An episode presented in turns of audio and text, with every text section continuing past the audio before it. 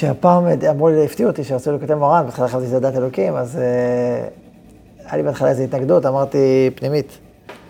אמרתי, מה, אה, תורד מהגלות, אני לא רוצה ללמד תורד מהגלות. אבל אז הזכרתי ש... שרבי נחמן אמר שעיקר התורות של ליקוטי מוהר"ן באו אחרי שהוא היה בארץ ישראל. כלומר, היה לו תורות בחוץ לארץ, ואז הוא מסר את נפשו להגיע לארץ ישראל. כשהוא הגיע, הלך המאמות, אמר, השגתי מה שצריך להשיג, אבל בשביל שם שלו עשה סיבובים.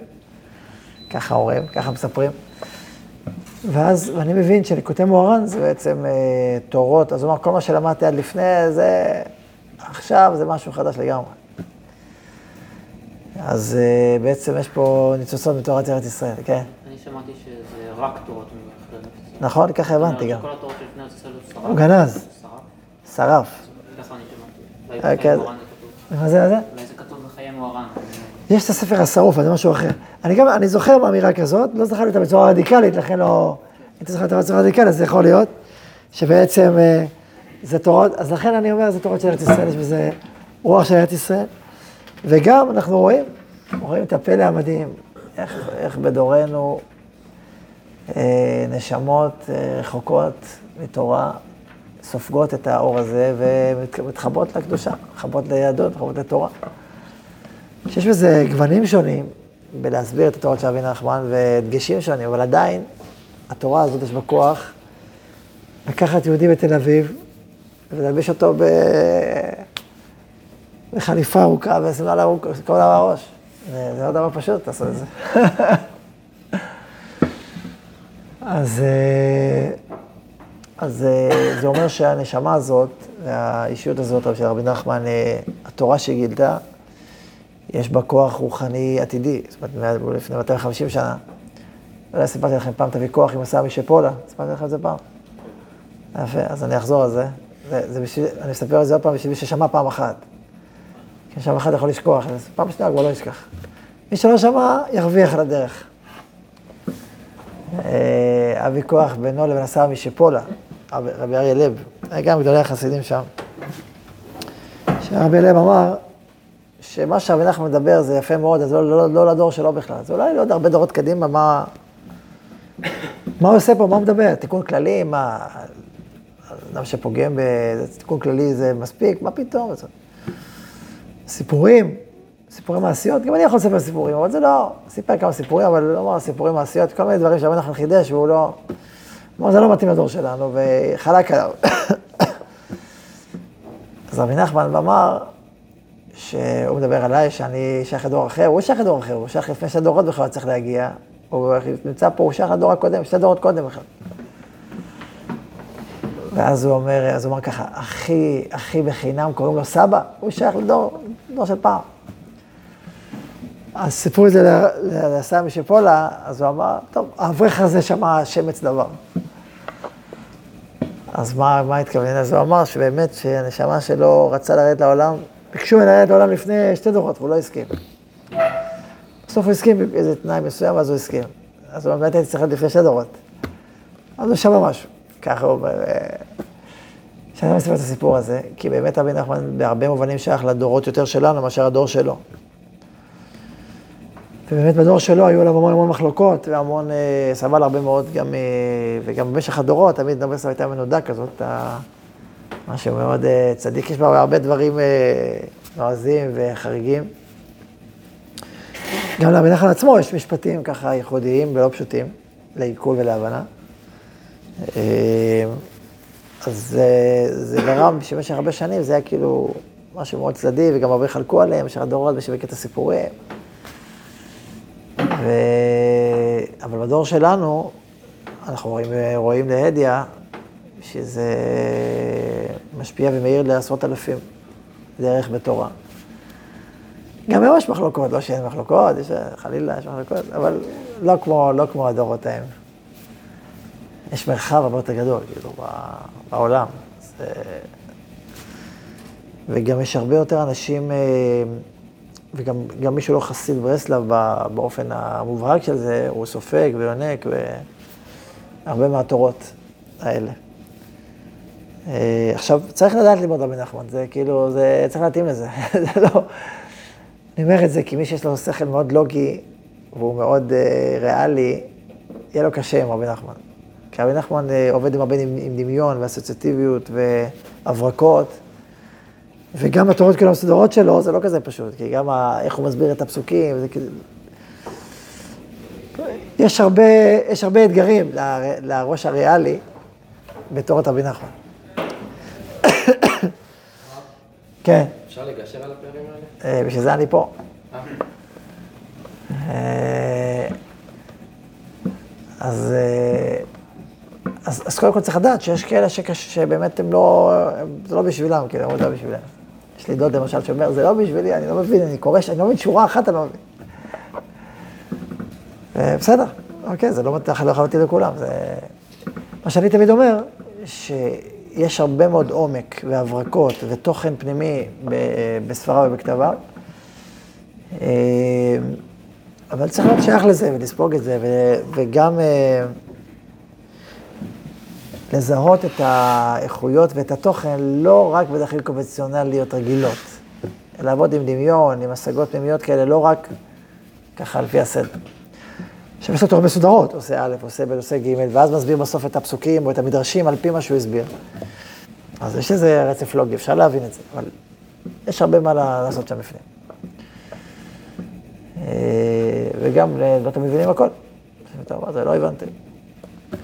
אבל ודאי שמדובר על אדם גדול מאוד עם אה, השגות מאוד גבוהות וקדושות, ושהוא חידש הרבה חידושים, ו... והוא לא, לא קונבנציונלי, בהרבה מובנים. פתח כל מיני שערים. אה, וכמו שאמרתי, זה ניחוח שארץ ישראל יש פה, אז זה קשור אלינו. ברוך אתה, אדוני, אלוהינו מלך העולם, שהכל נהיה בדברו. תודה רבה. אולי נוסיף עוד משפט. אה, הרבה מהאנשים שנמשכים לתורת רבי נחמן הם אומנים. אה, העולם של האומנות וחוויית האומנות והיופי שבאומנות והסיפור, הוא, הוא קשור הרבה לתורות האלה. הדמיון, הרגש, אה, אסוציאטיביות, אז צריך להיות שזה זן, זה...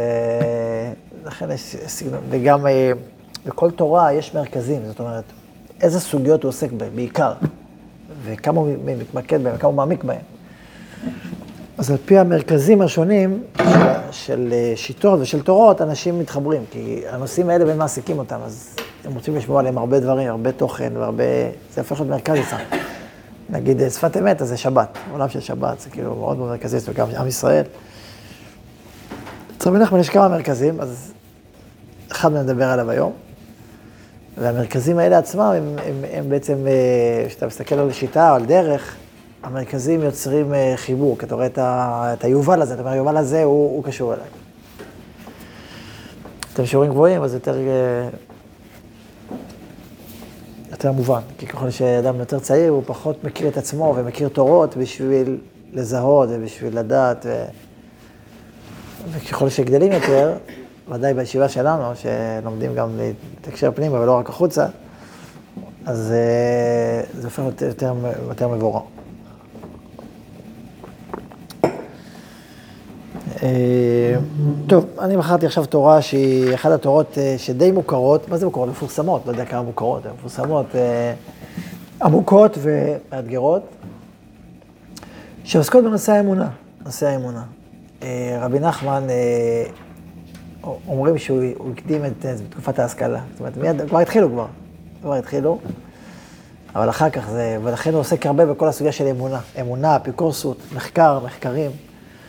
כל הסוגיה הזאת של שכל, אמונה, מחקר ואפיקורסות, הוא עוסק בהרבה, בהרבה תורות ומעמיק בזה, ויש לו שיטה אה, בעניין הזה. ואני עכשיו לא מתעסק בשאלה הגדולה של המחקר, אה, של השאלה ללמוד ספרי מחקר, אני לא עוסק בזה כל כך עכשיו, אבל אני אומר שעצם, שרבי נחמן אה, זיהה אה, שהעולם האמוני עובר לעבור טלטלה עצומה בעולם ובישראל, ו, וכבר, וכבר פילס, פילס דרך למרחב הזה האמוני. אה, בזה הוא, הוא דומה קצת לרב קוק, שגם אה, הרב קוק הרבה יותר שיטתי והרבה יותר אה, פילוסופי בסגנונו. שניהם מקובלים בעצם, והם הביאו אור בדרכים שונות. אה, אבל אה, רבי נחמן יש לו, יש לו כיוון, ולכן אה, אז התורה שאנחנו נלמד, בעזרת השם בלי נדר, זה תורה, תורה ס"ה, ב...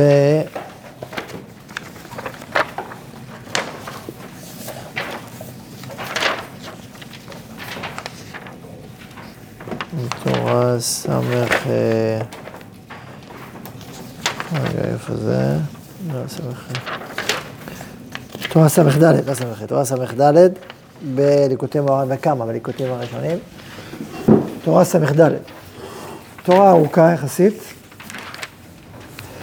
אה, אני לא חושב שנספיק ללמוד את כולה היום, אבל אני חושב שחלק גדול בעזרת השם אפשר ללמוד היום. זה קשור למושג שנקרא החלל הפנוי. שמעתם על זה ביטוי הזה, חלל פנוי? אז, אה, אז, אז בזה בעזרת השם נעסוק קצת. אז בואו נתחיל. תורה ס"ד. ויאמר השם אל פרעה, בוא אל פרעה, כי אני, אל משה, כן.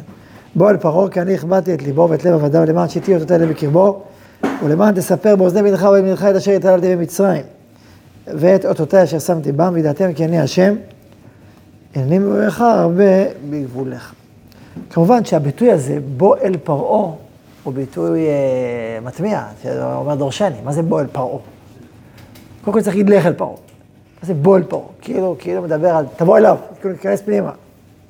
בוא אל פרעה, כאילו תיכנס אליו פנימה. אז כמובן שבאוזן הרוחנית שומעת בוא אל פרעה, יש פה איזה דיבור.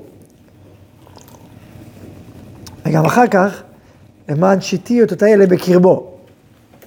ואחר כך תספר גם כן. אז זה כבר פותח איזשהו שער, וידעתם כי אני השם וכולי, אז... אז בואו נראה, בואו נתחיל. כי השם יתברך, מחמת רחמנותו, יש לך ספר, אולי תשב, אולי תתקדם, תשאל ליד אריאל.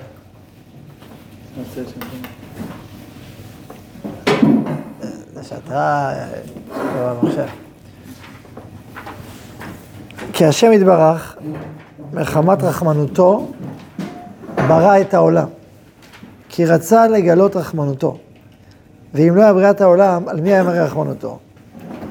ועל כן ברא את כל הבריאה מתחילת האצילות עד סוף נקודת המרכז של העולם הגשמי, כדי להראות רחמנותו.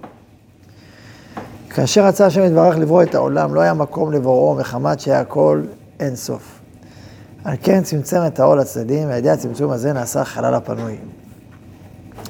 ובתוך החלל הפנוי הזה נתהוו כל הימים והמידות שהם בריאת העולם. וזה החלל הפנוי היה מוכרח לבריאת העולם, כי בלתי החלל הפנוי לא היה שום מקום לבריאת העולם כנ"ל. וזה הצמצום של החלל הפנוי אפשר להבין ולהשיג, כי אם לעתיד לבוא. כי צריך לומר בשני הפכים, יש ואין. כי החלל הפנוי על ידי הצמצום, שכביכול צמצם אלוקותו משם. ואין שם אלוקות כביכול, כי אם לא כן לא פנוי, והכל אין סוף, ואין הכל בריאת עולם כלל. אבל באמת לאמיתו, ודאי על פי כן יש שם גם כן אלוקות, כי ודאי אין שום דבר בידי חיותו, אבל כן אי אפשר להשיג כלל מבחינת חלל הפנוי עד לעתיד לבוא. סעיף א', ישר אנחנו צוללים פה לעניינים עמוקים של אה, בריאת העולם, שבעצם בנויים על פי, על תורת הארי, שמתחיל קודם כל בעיקרון יסודי. גם בארי עצמו כתוב כמה טעמים לבריאת העולם. טעם אחד הוא אומר, בשביל להיטיב מטובה לבריאותיו. זה ניסוח של הרמח"ל, אבל גם הארי יש לו אחד הגוונים שאומר את האמירה הזאת, להיטיב מטובו. הקדוש ברוך רצה להיטיב ברא עולם. וכשאתה אומר להיטיב מטובו, אז, אז uh, כמובן שאפשר לשאול שאלה, שקדוש ברוך רצה להיטיב מטובו לבריאותיו, הכוונה היא ש, שהוא נצרך להם. אז אנחנו אומרים שקודם כל אנחנו לא מבינים את הבורא, הבורא הוא מעבר להשגה שלנו. אנחנו כן יודעים שהוא ברא עולם בשביל להיטיב. זה, זה המסר שקיבלנו. יש אולי יש הרבה טעמים נוספים. מה הטעם שאנחנו יודעים שקיבלנו? מה אנחנו צריכים לדעת על זה שיש פה עולם? שמי שברא את העולם ומי שמנהיג את העולם, מחפש להיטיב. זה העניין. עכשיו, זו, זו ידיעה כבירה, בעלת משמעות אדירה. כי אם ברא, עולם שהוא נברא בשביל טוב, בשביל להיטיב, אז זה, זה מכוון את כל הבריאה למרחב הזה. אם ניקח אה, דוגמה מאדם, אז למה אדם מקים משפחה? גם מקים משפחה, אדם מתחתן, מקים משפחה. מה הסיבה שמניעה אותו להקים משפחה? אם הוא רוצה ללכת בדרכי השם, אז הוא יקים משפחה בשביל להיטיב, בשביל לברוא עולם, בשביל להיטיב לו. ילדים, ואישה, הוא בורא עולם, הוא בורא קוסמוס, כל אדם זה עולם קטן, כשאדם יש לו בונה בית, הוא בונה את זה כמו עולם קטן. מה המהות של הסיפור להיטיב? שאלה, האם אדם בביתו ובמשפחתו כל הזמן מיטיב באופן פשוט? הוא לא כועס, הוא לא זה, הוא לא, יש הרבה, יש, יש עוד אלף ואחת דברים שקורים. לא, לא מדבר עכשיו במובן, בחולשות, לא מדבר עכשיו בחולשות, מדבר עכשיו בהנהגות, נניח שהוא בא, באמת רוצה להיטיב, וזה מה שהוא רוצה לעשות. האם לא הוא לא יכעס, הוא יעניש, הוא ייתן, הוא יעשה, יש אלף ואחת מרחבים בתוך הטוב הזה, נכון? שזה לא טוב. אני אומר, זה לא טוב, הפוך אני אומר. אה, שגם זה חלק מהטוב. אני אומר הפוך.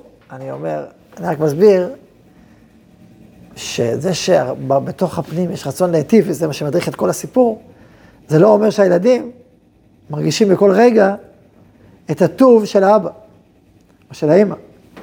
יכול להיות שהם מרגישים שמה פתאום, שכועסים עליהם, מה פתאום מענישים, מה פתאום זה, מתווכחים, צועקים, בוכים, יש הרבה עסק, עסק שלם. בדיוק, לא, אתמול דיברתי על שלי קצת, אמרתי, זה, תשמעו, אני לא אוהב לתת אנשים. אז אתה נותן, אתה לא אוהב. אם אתה נותן אנשים, אל תיתן, כאילו. מה, מה, מה, זה נורא פשוט. אמרתי להם, כן, אבל זה בשבילכם, בשבילנו, כאילו. אמרתי אם הייתם עושים מה שצריך לעשות, זה לא שאני נהנה, לא נהנה בזה, אבל לכם זה טוב, שיהיה לכם טוב. עכשיו, הם הבינו קצת וקצת לא. קצת הם הבינו שזה, שזה אוקיי, אני לא, לא, לא נהנה בזה בשבילם. הבינו קצת, הם לא הבינו עד הסוף, כי תן לי את החופש, כאילו, אתה יודע מה, עזוב, שחרר, תן לי לעשות מה שאני רוצה. זה הכי הכי כיף, נאכל את כל הממתקים בעולם, נעשה חופש שנה, וזה, ככה זה, ככה הם חושבים. אתה לא חושב, לא תסביר להם, לא, תשמעו, הוא יכול להבין קצת, אבל לא יותר מדי. אחרת זה הבנה חיצונית, זה לא באמת הבנה פנימית. אתה יכול לתת לו איזושהי תובנה, אבל זה לא באמת, אה, הוא לא יבין את זה באמת. הוא לא שם, הוא פשוט לא שם, הוא יכול להבין קצת, מעט. אבל זה שהוא מבין את זה, שהסיפור פה זה להיטיב, מבין ומרגיש, כן? מה זה יותר מדי להבין? זה דבר מאוד מאוד חשוב. הידיעה הזאת, התובנה הזאת, הניצוץ הזה שעובר. הכי חשוב שהוא מרגיש את זה, דרך ה... גם כשאתה מרגיש שיש אהבה. וזה מאוד חשוב, אגב, גם כמורה אפילו, גם כמלמד, יש מלמדים שאתה מרגיש שהם אוהבים אותך ויש שלא, וזה בעיה שאם אתה לא מרגיש שלא. כי אז הניצוץ שמאחורה, על כל פנים, לא סתם בתורה כתוב, לטוב לך כל הימים, לך אותך כיום, אז אני רוצה להטיב לכם, אומר לנו את זה באלף צורות, באלף דרכים, באלף משפטים. וחיוב, וחיוב, בנביאים, בתורה, בנביאים הכתובים, הוא אומר, אני עושה את זה לטובתכם. לטוב לך כל הימים, לחיותך כיום הזה. איי, אז מה למסך עוון? שמע חביבי, יש פה עולם ומלואו. יש אה, מרחב, יש מרחב של גדילה, יש מרחב של בחירה, יש אה, תגובות. הוא לא רוצה להנדס אותך. אם הוא רוצה להנדס אותך, לא רוצה להנדס, רוצה שיהיה לך בחירה. אוקיי, זה עניין שלם, לא להנדס. נכון? אבל הידיעה הזאת היא ידיעה מאוד מאוד חשובה. רבי נחמן מנסח את זה בצורה מעניינת, רחמנותו. השם ידברך מחמת רחמנותו ברא את העולם, כי רצה לגלות רחמנותו. ואם לא הייתה בריאת העולם, על מי היה מראה רחמנותו? על כן ברא את כל הבריאה מתחילת האצילות. עכשיו, המושג רחמנות, שהוא מובא פה, אני לא חושב שהכוונה רחמנות במובן הפשוט, שאנחנו אומרים רחמנות על בן אדם. זה כאילו נשמע שהוא צייר מישהו שירחם עליו, אז כאילו, אל תצייר ואל תרחם, זה לא... המושג רחמנות, חושב פה הבנה הרבה יותר עמוקה וכוללת. רחם זה כמו, כמו רחם. מה זה רחם? רחם זה תהליך של גדילה. הולך וגדל, הולך ומופיע יותר ויותר.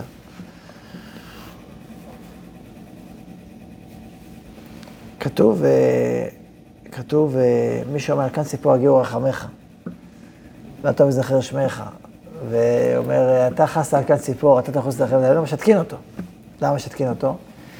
מי שעושה מידותיו של הקדוש ברוך הוא רחמים, ואינם אלא גזרות. נכון? כמו שכתוב אומר. כתוב, רחום וחמה.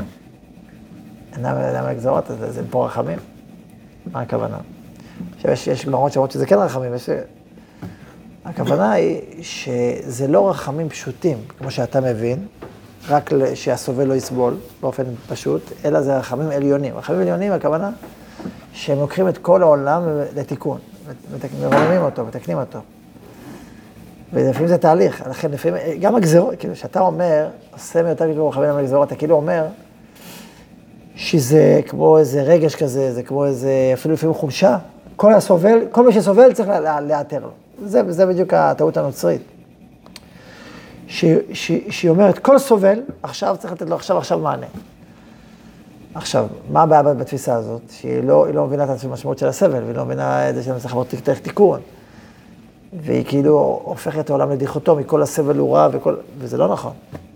המציאות היא הרבה יותר מורכבת, וגם הסבל יש לו תפקיד ומשמעות. גם הסבל לעולם יש לו תפקיד ומשמעות, זה לא משהו חוץ אלוהי, כמו שבעצם אומרת הנצרות. או שאומרת, אין מידת הדין בעולם, מפקירה את הדין, ואז היא מפקירה בעצם את התיקון העמוק של המציאות. עושים את השם הקדוש ברוך הוא מנהל לגזרות, היינו, ככה חוקי המציאות, זה דברים הרבה יותר עמוקים, זה לא רק גוון אחד של רחמים, זה משהו הרבה יותר כולל ומקיף. זה נקרא רחמים עליונים. רחמים עליונים, הכוונה, שהקדוש ברוך הוא רוצה בטובת כל המציאות ובתיקון כל המציאות, וזה תהליך. אז אפשר לדבר על שילוח הקן ולעורר רחמים עליונים, אבל לא רחמים רק תחתונים ופשוטים. לכן מי, ש, מי שהופך את זה, כי, כי מה כשאלה, אתה אומר, אתה חסת על כאן ציפור, אתה חוזר לחברים, חסת על כאן ציפור, אז אל תיקח אותה. אם זה הכל רחמים, למה אתה לוקח את הביצים? אל תשלח אותה, ואל תיקח.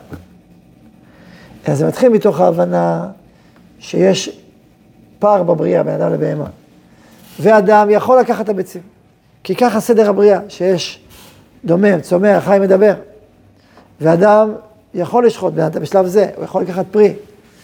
יש, ו, ואם זה ככה, אז כשזה כבר ככה, תרחם על הציפור, אבל תבין שיש פה מצד אחר, סדר אחר לגמרי של הבריאה. ולולא הסדר של הבריאה וחוקי הבריאה, אז גם את הביצים לא היית לוקח. אז לכן אתה לא יכול להגיד רחמים, כי אם זה אחר, תיקח. אז זה סוג של רחמים, זה לא רחמים פשוטים, זה רחמים עליונים, היינו, הולכת העולם לתיקונו. רחמים זה גם לשון רחם, רחם זה מה שמגדל לאט לאט את, הילד. יש פה תהליך גדילה, תהליך צמיחה, שהוא שלב אחרי שלב. אז גם פה הולכת רחמנותו, הכוונה היא הרצון שלו להיטיב ולקדם את העולם. עוד ועוד, זה לא רק רחמים פשוטים. כן. רחמנה, כן, יפה. רחמנה באופן הכולל של המושג הזה. אהבה והטבה, כן.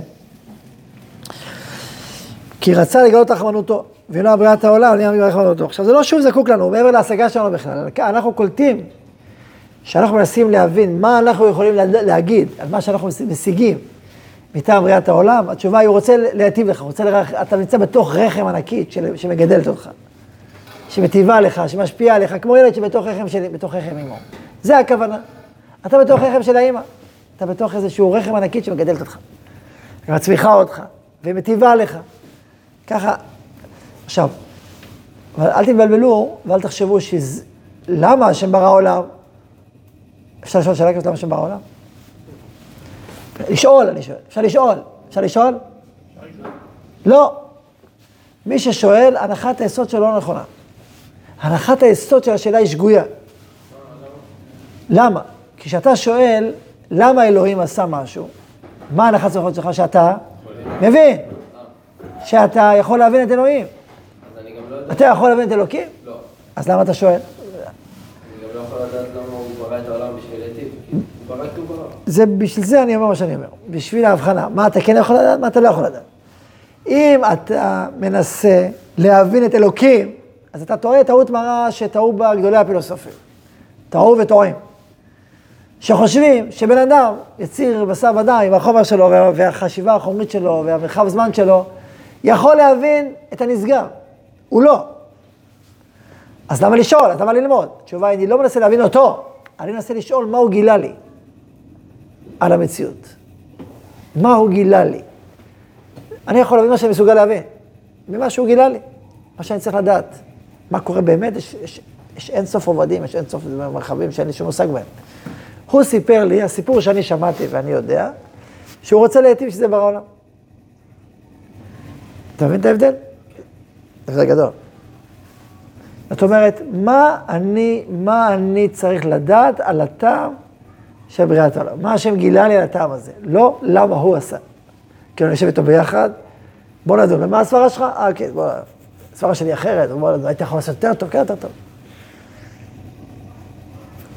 מספרים לנו. הוא רוצה להיטיב ברא העולם, אוקיי. כמה הוא רוצה להיטיב זה דבר שהוא מעבר להשגה שלנו, אבל אני יודע שהמשמעות היא שהעולם הזה נברא מתוך מגמה להיטיב. זה, זה הסיפור, זה הדיבור. אני לא מבין אותו. אני גם לא מבין למה דווקא בצורה הזאת או בצורה אחרת. אין לי שום מושג. אני יכול רק להבין, אני אחפש איך הטוב הזה מופיע פה. זה אני יכול להבין. איך מלא מלא טוב טוב מופיע פה לפי דרגתי ועוד ועוד ועוד. האם היה אפשר אחרת או לא? זה בכלל לא רלוונטי. אני לא יושב איתו על השולחן ודנים. כך גזרה חוכמתו, גזרה חוכמתו, גזרה חוכמתו. אבל אה, הוא אומר, הוא מספר לנו, תדעו לכם, שאתם חלק מתוך מגמה של, הטבה. אה, והגילוי הזה הוא דווקא מהתורה או? לא מהשכל, הוא מהנבואה. מהנבואה? מהנבואה, מהתורה בטח, אני- איך אני אדע? מי יכול לדעת דברים על אלוקים לולא נבואה? קשה מאוד. אתה יכול, גם כמה שתדע מהטבע וזה. אתה, אחרי שקיבלת מסרים מנבואה, אתה יכול להתחיל לדבר. אחרת, באמת, באמת, באמת, בלי נבואה, בלי התגלות, אי אפשר לדעת דברים ברורים על אלוקים. לכן, כל דת שמנסה לדבר על דברים אלוקים בלי התגלות, יכול להיות שהיא תקלע קצת פה, שם, אבל היא לא תדע באמת הדרך. לכן אי אפשר באמת להגיע לאלוהים בלי שאלוהים יתגלה לך, כמו שאומר הכוזרי. וזה הבדל היסוד בין היהדות לשאר, לשאר דתות. שאר דתות באות מהאדם אל אלוהים. אבל אלוהים הוא מעבר אליך, איך תגיע אליו. אז או שהוא אלילי, או שלא. אמרתי כמה פעמים את הביטוי הזה, בצלם האדם עשה את אלוקים. ככה הדתות עושות, הן מרגישות מה שמרגישות איזושהי נשגבות, מה שנראה לי נשגב זה אלוקים שלהם. אז הם יוצרים את, המטאפורה של הנשגב אצלם, ויוצרים ככה את אלוהים. בצל... בצלמה הם יוצרים אלוקים. אבל אוקיי, ולכן יש הרבה צלמים. הדיבור שלנו דיבור הפוך. אלוקים בא אל האדם וברא אותו. וזה דבר שאנחנו לא יכולים להבין אותו בשכל, פשוט. יש, אפשר לקלוט, אלוקים דיבר איתי, וואו, אני לא יכול להבין את זה, רק שמעתי את קולו. התנבאתי, אנחנו עם שקיבל נבואה, אברהם אבינו קיבל נבואה, אצל הבעל הבירה. אנחנו לא מבינים את האירוע הזה באופן מלא. אלוהים יכול גם לדבר איתי. אני- אה, זה גילוי של אה, הרצון של... כן, כן, אחרי, ש, אחרי, ש, אחרי שאת המילה אלוקים דיבר, אתה, אתה מבין כמה היא עדינה ומופשטת ולא מובנת. אתה יכול להגיד, שמעתי את הדיבור. אנחנו רואים את זה, אבל רואים את זה על דרך ההשאלה. כן. פילוסופים כמו הרמב"ם והרס"ל, הם לא עסקו בשאלות האלה מתוך השכל. הרמב"ם אומר שמי שחושב להבין את, את העצמות של אלוקים, צריך להוכיח אותו תוכחה נמרצת. הפילוסופים שחשבו שמבינים את אלוקים, צריך תוכחה נמרצת. לא, ברור שאפשר להבין את אלוקים, אבל אוקיי. כשהם ניגשים לשאלות עמוקות כאלה כמו למה השם ברא את העולם, לא דווקא מחפשים בנבואה, אני חושב, מה שאני מכיר, אה. הם יכולים לחקור אולי, אבל הם יכולים, אבל זה לא עיקר העניין. בסוף הרמב"ם שאלה שאלה את הקדמות, הוא אומר, "אה, ספרות לפה ולפה, בסוף, מה שכתוב בתורה זה מה שיקרה. הלאה. כאשר ידבח מעט רחמנותו ברא את העולם כי רצה כל רחמנותו, ואם לא היה בריאת העולם, למי אמרה רחמנותו? על כן ברא את כל הבריאה מתחילת האצילות עד סוף נקודת המרכז של עולם הגשמי. המושג נקודת המרכז והאצילות זה קשור למה שאמר עוד מעט. אה, להראות רחמנותו. וכאשר רצה השם יתברך לברוא את העולם, לא היה מקום לבוראו, מחמת שהיה כל... כמובן שאנחנו לא מבינים את המשפט שאנחנו קוראים, כי השם יתברך, כאילו לפני הבריאה, זה כמו שיר, על זה כמו שיר. על כן צמצם את האור לצדדים, ועל ידי הצמצום הזה נעשה חלל פנוי. ובתוך החלל הפנוי הזה נתאבו כל הימים והמידות שהם בריאת העולם. זה נקרא, הוא מקומו של עולם, ואין העולם מקומו. התפיסה הראשונית של האדם בדבר אלוקים, יש עולם ויש אלוקים. שזו תפיסה גשמית, שמכניסה את אלוקים בתוך המרחב האנושי. אבל זו התפיסה הנכונה, כי זה, כשאתה חושב ככה, אז העולם הוא המקום של אלוקים. יש מקום, יש מרחב, ענק, כל היקום, כל הקוסמוס, כל זה. באמצע אלוקים נמצא בראש הפירמידה. זו תפיסה אלילית, ילדותית, ראשונית, שכולם תופסים ככה בהתחלה. כי אם אלוקים הוא איזו ישות, אז זו ישות שנמצאת פה, ונמצאת במרחב, במרחב התודעתי שלנו, במרחב של העולם. אז ברור שהוא נמצא פה ומדבר פה, כן? עלה, ירד, דיבר, כל, כל החשיבה הזאת היא חשיבה שרואה את העולם כמקום של אלוקים. אבל למה הוא נקרא מקום? שהוא מקומו של העולם. אנחנו בו, לא הוא בנו.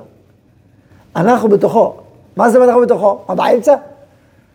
אז מי שמקשיב, אז זה לגמרי באמצע. יש, אה, אלוקים נכנס בתוך הרכב שלו, זה חלילה וחס, זה גם הגשמה. אבל צריך להבין את זה במושגים המופשטים. אנחנו נמצאים בתוך מרחב אלוהי, שהוא לא מובן לנו, אבל אנחנו בתוכו. אנחנו, אנחנו נולדנו, לא הוא. אנחנו נוצרנו, לא הוא. איך נוצרנו? אז זה הדיבור פה של הארי. שכאילו הכל מלא אור, דימוי כזה שהכל מלא אור, ונוצר מקום שמסולק מן האור, ובמקום שמסולק מן האור נוצר עולם, נוצרה הוויה, שיש לה כאילו קיום עצמאי. ואיפה זה? זה עצם זה שאדם אומר אני, והוא, יש תודעה של עצמאות, יש תודעה של עצמאות, התודעה של העצמאות, של, כאילו, זה מקום של חלל פנוי, אחרת הכל אלוקים.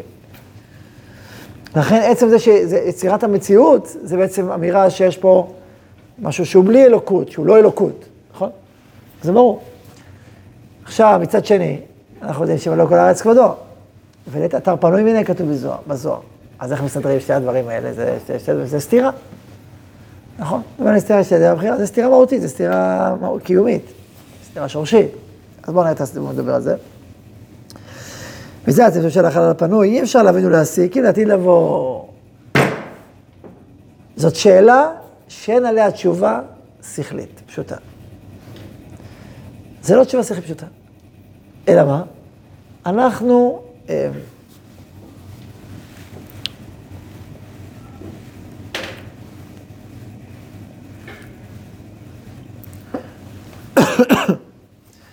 אין באמת תשובה שכלית ולא צריך תשובה שכלית עליה. כלומר, לא צריך לחפש את התשובה עליה בשכל. כי השכל הוא לא הכתובת לתשובה פשוטה לשאלה הזאת. לעתיד לבוא, אולי נבין, כאילו, נשיג את זה בשכל. עכשיו אפשר להשיג את זה בצורות אחרות. לא יודע איך להשיג את זה, אבל לחיות את זה. ובאמת, באמת, אנחנו חיים את זה. חיים את זה. כל יהודי חי את זה. מצד אחד, בורא עולם, מעבר לכל, מחיה את הכל, ומעיר לכל, ומטיב לכל. ובאיזשהו מקום, כאילו, הכל, הכל, הכל זה הוא. אבל זה לא שאנחנו לא יכולים להבין אותו בשכל שלנו, אנחנו, אנחנו, מה אנחנו מבינים? הנה שאנחנו פה. וגם זה נכון, גם זה נכון. גם זה נכון וגם זה נכון. הנה, אפילו בעולם הפיזיקלי, כשמדברים על חלקיק, נשים לצוות החלקיק. האם הוא מתנהג כמו חלקיק? אנחנו בטור, טה-טה-טה-טה, או גל. בצורה של התהפכות, בצורה אחרת. ראו שזה פעם ככה, פעם ככה, שאתה עושה מבדק א', הוא מתנהג בצורה של אה, גל, של התהפכות, כמו שגל, אתה בצורה של, אתה יורה, זה בצורה של חלקיק. אז זה חלקיק או גל? גם וגם. עד שמישהו ניסה להגיד תיאוריה שזה תלוי במי שבודק. מי שבודק הוא קובע. אוקיי, רעיון מעניין. על כל פנים, יש סתירה, זה מתנהג גם ככה, גם ככה, אוקיי, זאת המציאות. גם אם לא הבנת אותה. היא לא שואלת אותך. ככה. וזה הצמצום של החלל הפנוי, אי אפשר להבין ולהסיק, אם עתיד לבוא, כי צריך לומר בשני הפכים, יש ויש ואין. כי החלל הפנוי על ידי הצמצום, שכביכול, כביכול, צריך לנקותו משם. באמת שהנקות כביכול, כי אם לא כן, לא פנוי. והכל אין סוף, והכל נגמרת על הכלל. אבל באמת טוב, ודאי על פי כן יש שם גם כלוקות. כי ודאי אין שום דבר על ידי חיותו. אבל כן אי אפשר להסיק כלל מבחינת החלל הפנוי על עתיד לבוא. מצד אחד האדם, יש בו, הוא, הוא, יש בו נכון ניצוץ אלוהי, מצד שני יש בו תעני שלו. איך זה מסתדר? מסתדר. גם זה נכון, גם זה נכון. כן. אה, לא את זה, חור שחור. תסביר לי מה זה חור שחור, מה אתה מתכוון שאתה אומר חור שחור? לא. שאין בו זמן.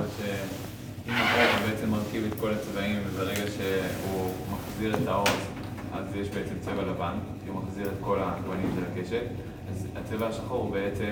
סופג הכל. סופג הכל. נו. וזה מבחינת ה- אולי הצמצום, כלומר שיש אור שמקיף את הכל, והחלל הפנוי זה, זה יוצר מקום כזה שהוא לאו דווקא לא כולל כלום, אבל הוא באמת כלום. וזה זה פרדוקס כזה, שמצד אחד כאילו מצטמצם הכל לבפנים, הוא באמת כלום, כי כל האור...